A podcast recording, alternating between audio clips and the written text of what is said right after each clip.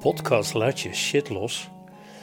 Ja, absoluut. Shit is niet leuk, shit is niet fijn, maar als je er niks mee doet, blijft het op je pad komen, blijf je er last van hebben, blijft het je ontkrachten. Uh, dus ik ga je in deze podcastserie tips en handvatten aanreiken om met je shit aan de slag te gaan. Om het te verwerken, om het los te laten, om de boodschappen eruit te halen, de spiegels eruit te halen, om echt te snappen waarom dingen je gebeuren, wat je eruit kunt leren en hoe je de kracht uit kunt halen. Mijn naam is Rob Derksen. Ik uh, kan je zeggen dat ik een ervaringsdeskundige ben uh, als het gaat om het opruimen van shit, de kracht uithalen en het los te laten. Dus ik wens je heel veel luisterplezier toe en een scala aan tips en handvaten.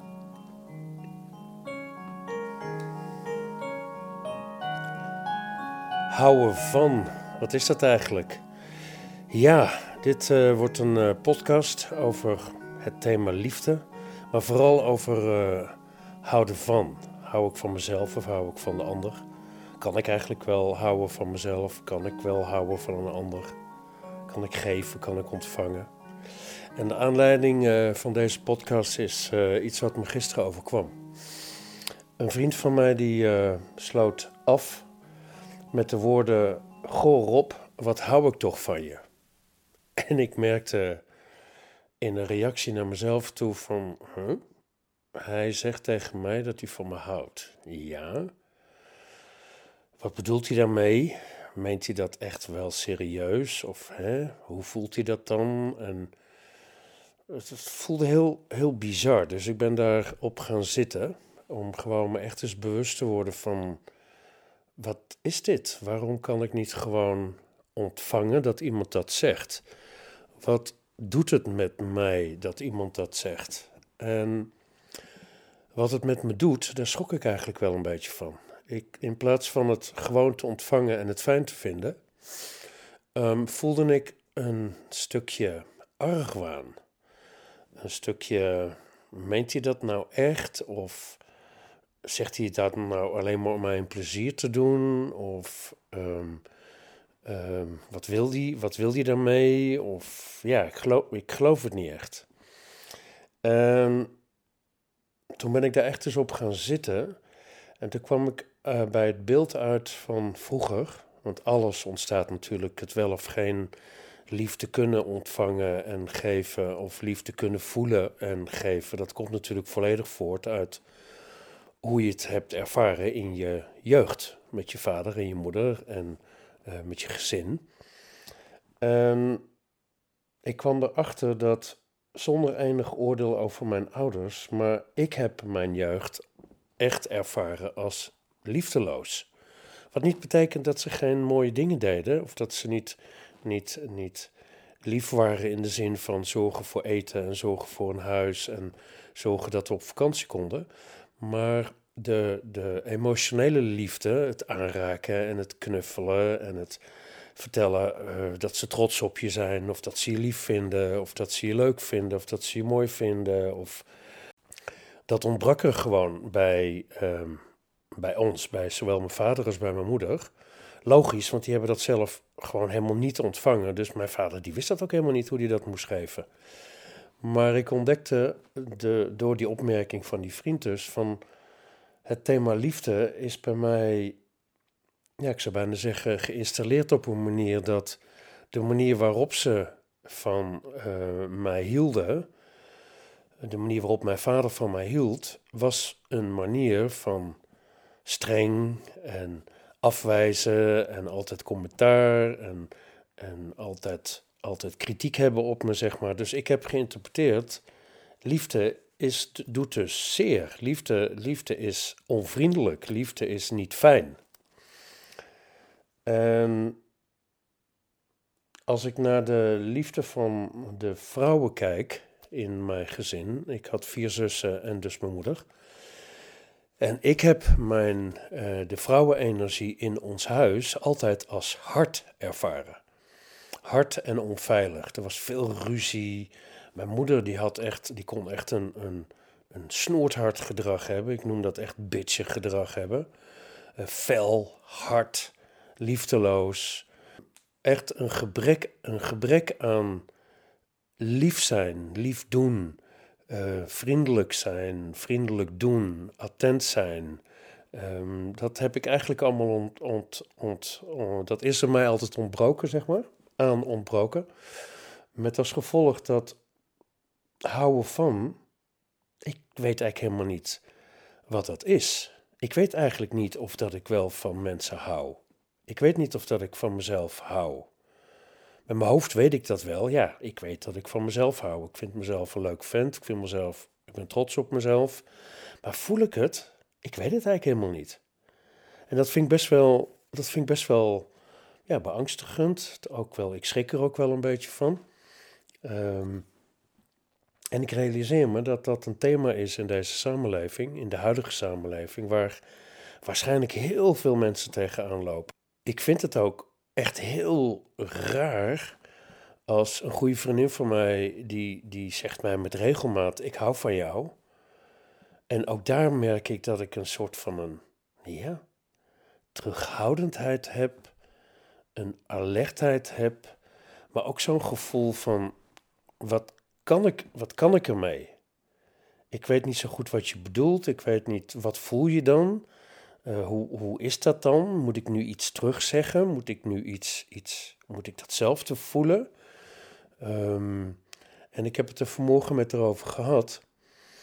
En toen zegt ze, um, als ik liefde voel voor jou, dan voel ik het echt stromen. Dan, dan, dat houdt niet op.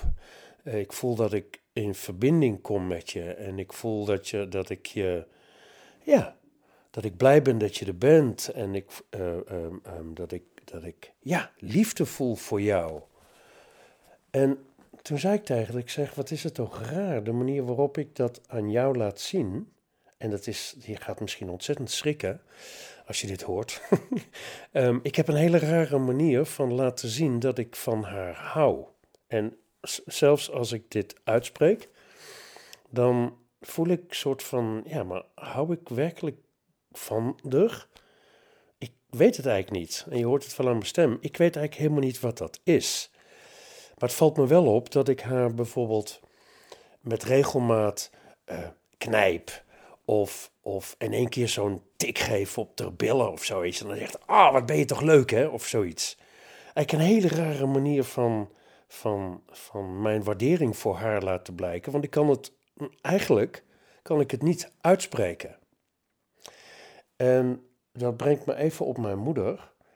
Ehm, mijn moeder had, had en ik, ik snap nu waarom ze dat deed. Mijn moeder had een hele rare manier van, van zeggen dat ze van me hield.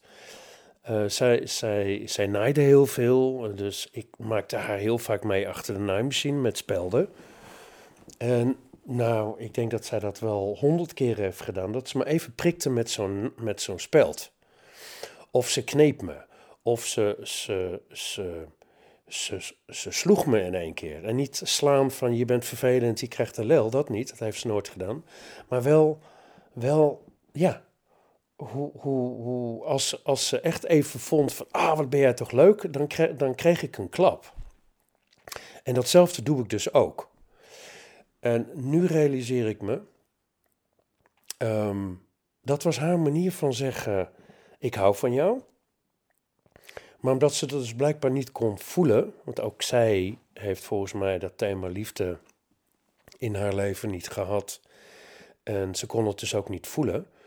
Um, en zij, haar onbewuste deed dat dus met zo'n speldeprik dat ik er vanmorgen bij stilstond en dacht van wat een onhandige manier van zeggen tegen iemand dat je om iemand geeft of van iemand houdt.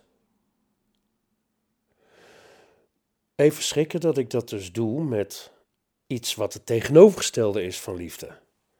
Iemand knijpen of een, een, een lel geven op, op, op je bovenbeen als we in de auto zitten en haar zeggen van Ga, het beste peert van stal. Zoals mijn vader dat altijd zei als hij als dat bij mijn moeder deed.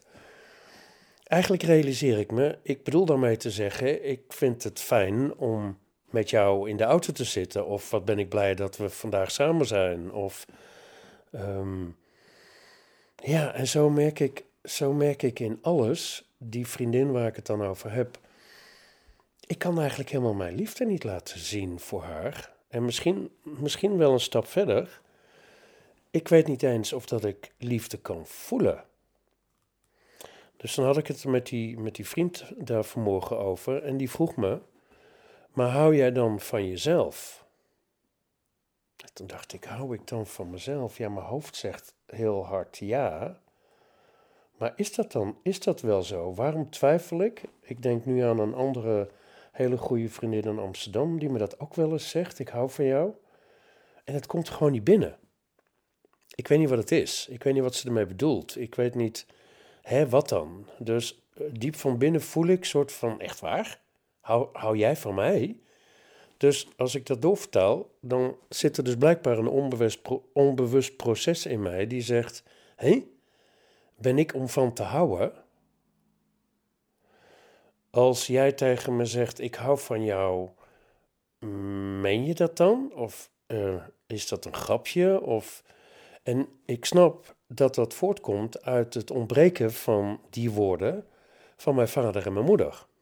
Zonder enig oordeel. Ik bedoel, ik, ik weet dat ze van mij hielden. Alleen de manier waarop ze dat uiten, dat was niet een manier van werkelijk uiten. Ik hou van jou, of ik ben trots op je, of ik ben blij dat je in mijn leven bent, of goh, wat ben je toch een leuk vent, of weet ik veel. Dat werd er bij ons thuis nooit gezegd. Dus als zo iemand dat dan tegen me zegt, dan twijfel ik dan weet ik niet of dat het klopt. Dan weet ik eigenlijk ook niet eh, waar hou je dan van. En dat zou dus betekenen dat ik niet genoeg van mezelf hou. Ik kan dus blijkbaar niet voelen, kan het wel benoemen, maar kan het blijkbaar niet voelen dat ik trots ben op wie ik ben. Dat ik hou van, van hoe ik in het leven sta. Dat ik hou van mezelf ehm, als, als mens, zeg maar. En dat vraagt, en dus is het dus waarschijnlijk ook. Ik ben nu twintig jaar single en ik heb erg weinig vrienden. En ik realiseer me van, oh, wacht eens even. Ik heb waarschijnlijk, doordat, doordat het thema liefde uit balans is, ehm, heb ik me buiten uh, groepen geplaatst. Ik voel me ook bijna nooit thuis in een groep.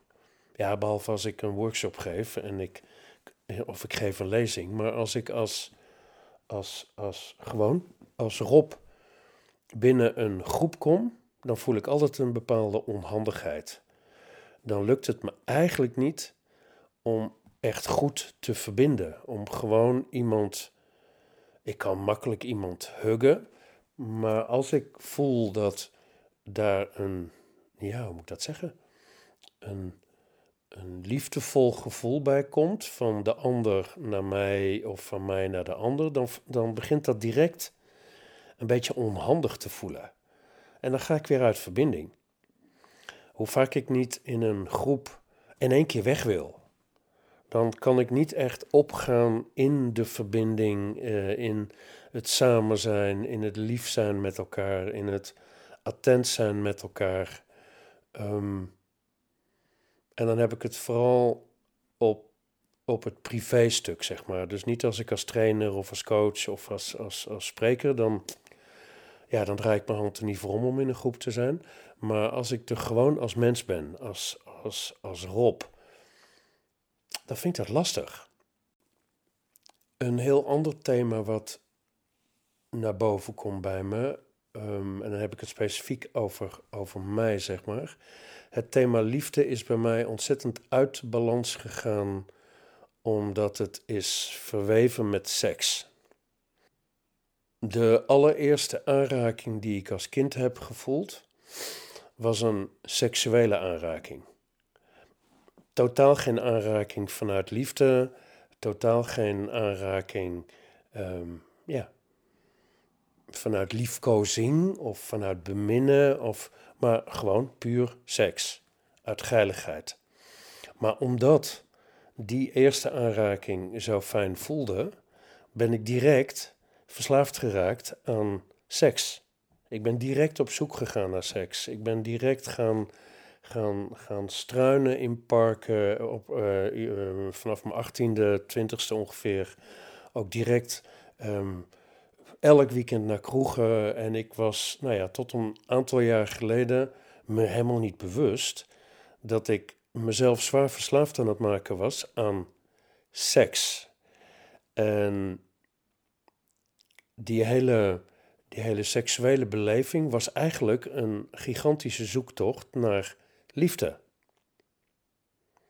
Ik wist op een gegeven moment niet meer het verschil tussen seks en liefde. En omdat ik liefde niet kende, was het alleen maar seks.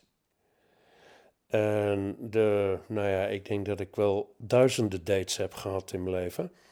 Ehm, de meeste waren liefdeloos. Wat niet betekent dat het niet fijn was of dat, het niet, niet, niet, dat ik er niet van heb genoten. Maar het was zonder liefde. En de liefde, die ontbrak in mijn leven. De liefde voor mezelf, het delen van mijn hart met iemand, de liefde voor een ander. Waardoor die, die seksverslaving maar in stand um, gehouden bleef. Oeh, verkeerde zin. Waardoor die seksverslaving in stand bleef. Ik hield hem in stand. Nu pas, nu dat ik zie van, oh, dat thema liefde moet echt aangepakt worden, dus de trauma's op liefde moeten aangepakt worden. Um, en nu dat ik daar al een tijd mee bezig ben, merk ik dat de behoefte aan seks ook echt begint af te nemen. Uh, want ik voel de behoefte aan het delen van liefde. Um, ik voel volgens mij, en ik ben daar heel eerlijk in, ik voel volgens mij ook meer liefde naar mezelf. Het begint te komen. Ik begin me bewust te worden dat ik, um, ja, dat ik echt wel een lief persoon ben.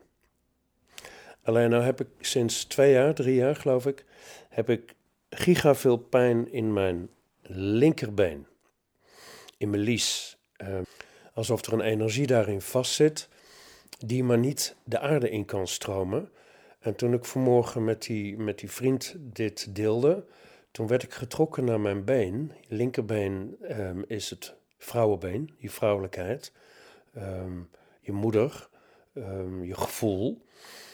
Dus ik denk, oh, mijn gevoel zit op slot. Ik kan mijn gevoel, mijn liefdesgevoel, kan ik niet laten stromen. Mijn gevoel van liefde stroomt niet. Dus het komt niet tot stand. En ik zeg het expres even zo, moet je nagaan. Pijn in mijn been geeft mij waarschijnlijk de boodschap: jouw liefde komt niet tot stand.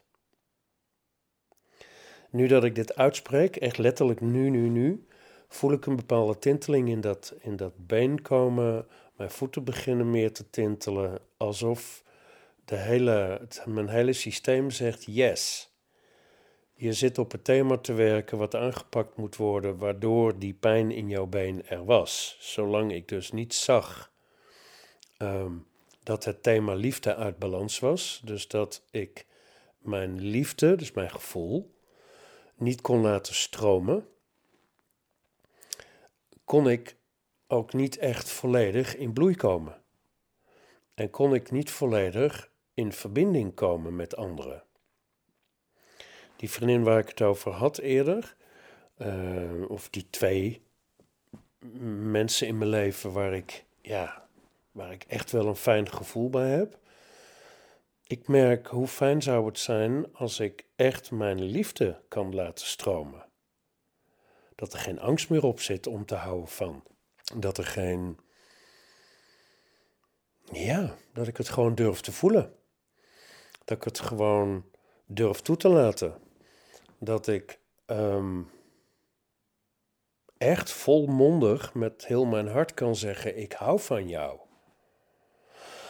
Ah, als ik het uitspreek, dan voel ik al een enorme opluchting. Want dat zou alles in bloei brengen. Dat zou alles in tot leven brengen.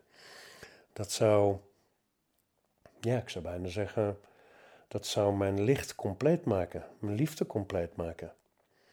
En volgens mij kan dat alleen maar tot stand komen als alle trauma's op liefde, dus in de lijn van mijn vader, maar ook in de lijn van mijn moeder en in de lijn met mijn broer en zussen, uh, als de trauma's daarop zijn verwerkt, als ze eruit zijn, ehm, en de angst is weg om te verbinden, dan gaat liefde stromen.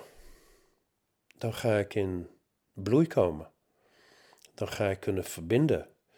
Dan zal waarschijnlijk dat hele diep gewortelde gevoel van eenzaamheid ook weg zijn. Want ja, ik snap als geen ander natuurlijk dat als ik me niet kan verbinden of durf te verbinden, dat ik dan in mijn eentje blijf staan. En in mijn privéleven doe ik het eigenlijk mijn hele leven lang al alleen, realiseer ik me nu ook. Ik heb heel veel contacten via mijn werk, maar dat zijn geen privécontacten. Maar privécontacten heb ik eigenlijk niet zoveel nooit gehad in mijn leven. En ik realiseer me nu dat het wel eens te maken zou kunnen hebben gehad met het thema liefde, of het ontbreken van liefde, of de angst voor liefde. Die is misschien nog groter. Het is de angst voor liefde. Liefde doet zeer. Er zit ook een hele rare overtuiging bij mij. Als je je hart, ehm, als je je hart opent voor iemand, als je je hart opent, nou in mijn geval, want daar zit de trauma op naar mijn moeder toe. Ehm, als je je hart opent naar een vrouw, dan ben je het kwijt. En toen ik die hoorde, toen dacht ik, hé, waar komt dat vandaan? En ik snap hem nu. Ehm, mijn moeder was een vrouw die, ja, volgens mij in zichzelf zeer diep getraumatiseerd is geweest in haar jeugd. En ehm, mijn broer en ik, en op een bepaalde manier ook mijn vader, wisten mijn moeder altijd een heel, heel goed gevoel te geven. Ehm, mijn broer en ik, die, ja, volgens mij zijn wij altijd lief geweest tegen, tegen mijn moeder. Um, ik kan me herinneren als kind dat ik haar altijd ondersteunde. Ik haalde, ik, ik hielp haar met boodschappen doen, ik hielp haar met schoonmaken, ik hielp haar met koken, met, met, ik zat, als zij aan het naaien was, dan zat ik ernaast en dan vertelde ik er ronduit hoe trots ik op haar was en hoe goed het was en hoe, hoe, ik was altijd lief tegen haar, altijd lief, lief, lief, lief, lief. Alleen, zodra ik daarmee stopte, dan had ik het gevoel dat mijn moeder mij niet meer lief vond. Dus zodra ik stopte met, met lief doen tegen haar, of zodra ik iets deed waardoor um, nou, ik bijvoorbeeld er niet was. Ik, ik, ik, ik, voel, ik voel nu nog, een van de redenen waarom ik, waarom ik weinig ging stappen, is omdat mijn moeder dat niet fijn vond. Zo kwam dat op mij over. Dus om haar niet te kwetsen in haar liefde, ben ik uiteindelijk uit mijn liefde voor mezelf gegaan. Ik weet nog goed toen ik naar Frankrijk vertrok op mijn 23ste, dus echt Nederland ging, ging verlaten. Oh, ik kan dat moment nog terughalen zelfs, dat ik de, de gekwetstheid voelde van mijn moeder. Mijn moeder stond in de deuropening en zei: Je zult binnenkort wel weer terug zijn, of je bent morgen wel weer terug, want dat gaat je toch niet lukken. En ik realiseerde me gelijk dat ze eigenlijk zei: Goh, wat ga ik je missen? Wat vind ik het fijn voor jou dat je gaat, maar wat vind ik het niet fijn voor mezelf dat je gaat? Uh, dus haar manier van, van liefde uiten was eigenlijk op een hele liefdeloze manier mijn manier van liefde uiten naar die paar vriendinnen ehm, is eigenlijk een hele liefdeloze manier. Dus precies op de manier waarop mijn moeder dat doet. Ik pak dan geen spelden, maar ik knijp die vriendin ook af en toe omdat het leuk is. Is toch leuk om, om. Nee, eigenlijk zeg ik met dat knijpen, zeg ik, ik vind je lief. Alleen ik kan het niet voelen, niet echt voelen. Uh, um, en als ik het voel, dan laat ik het niet echt toe, want dan komt er in één keer een angst naar boven. Als ik dat laat voelen, dan ben ik mijn vrijheid kwijt. Dan, dan zit ik ergens aan vast. Hoe bedoel je, ik ben verknipt op het thema liefde? Jongen, jongen. Um, ja, die komt wel binnen. Dus als ik, als ik ehm, mijn liefde deel, dan ben ik bang dat ik mijn vrijheid verlies. Wat een rare kronkel. Want dan wil de ander wat van mij. En dan kan ik niet meer kiezen voor mezelf. Dus dat moet natuurlijk gewoon aangepakt worden, want ik wil gewoon vrij uit kunnen houden van, zonder dat ik me verplicht voel om dat morgen ook te doen, bij wijze van spreken. Of uh, ik wil houden van, zonder dat ik me verplicht voel om te blijven. Ik wil gewoon vrijheid kunnen voelen om te gaan en staan waar ik wil, um, terwijl dat ik wel gewoon mijn liefde laat stromen voor iedereen. Dus dat is een, uh, ja, is een mooi thema, vind ik zelf. Een belangrijk thema. Het is volgens mij ook de basis.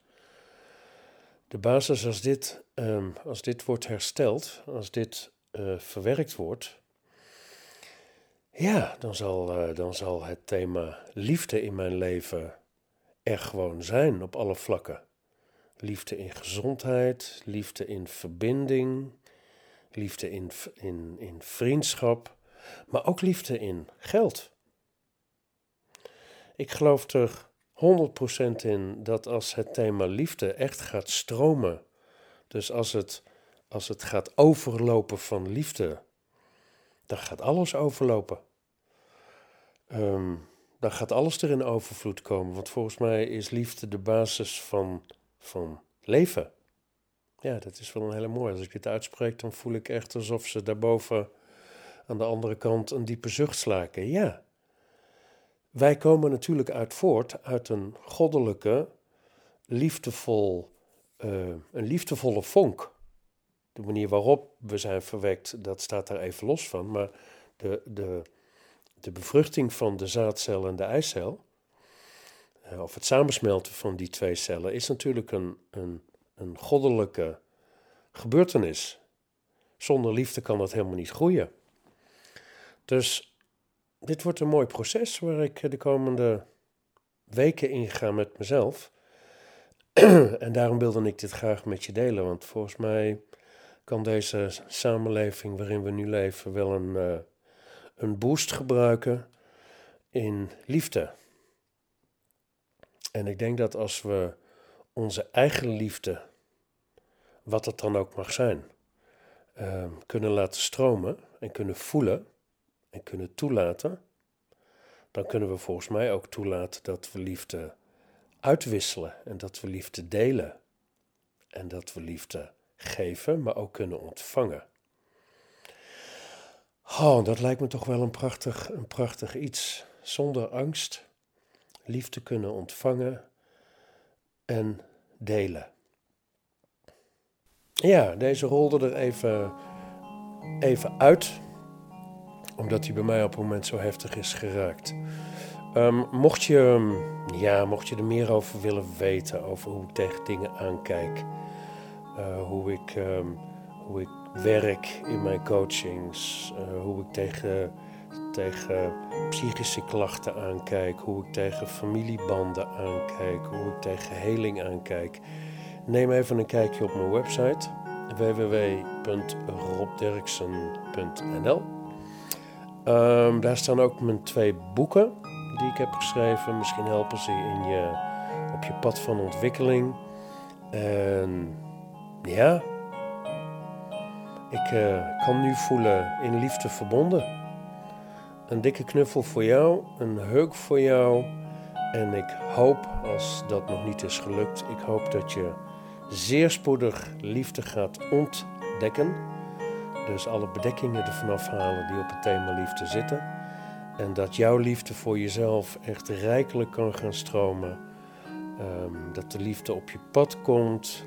Dat de liefde tussen jou en de wereld rijkelijk mag stromen. En ja, dat er dus een, eh, een, een, licht van liefde in jouw leven gaat komen. Of misschien gaat verdubbelen. En uh, allerliefst gewenst. Tot de volgende.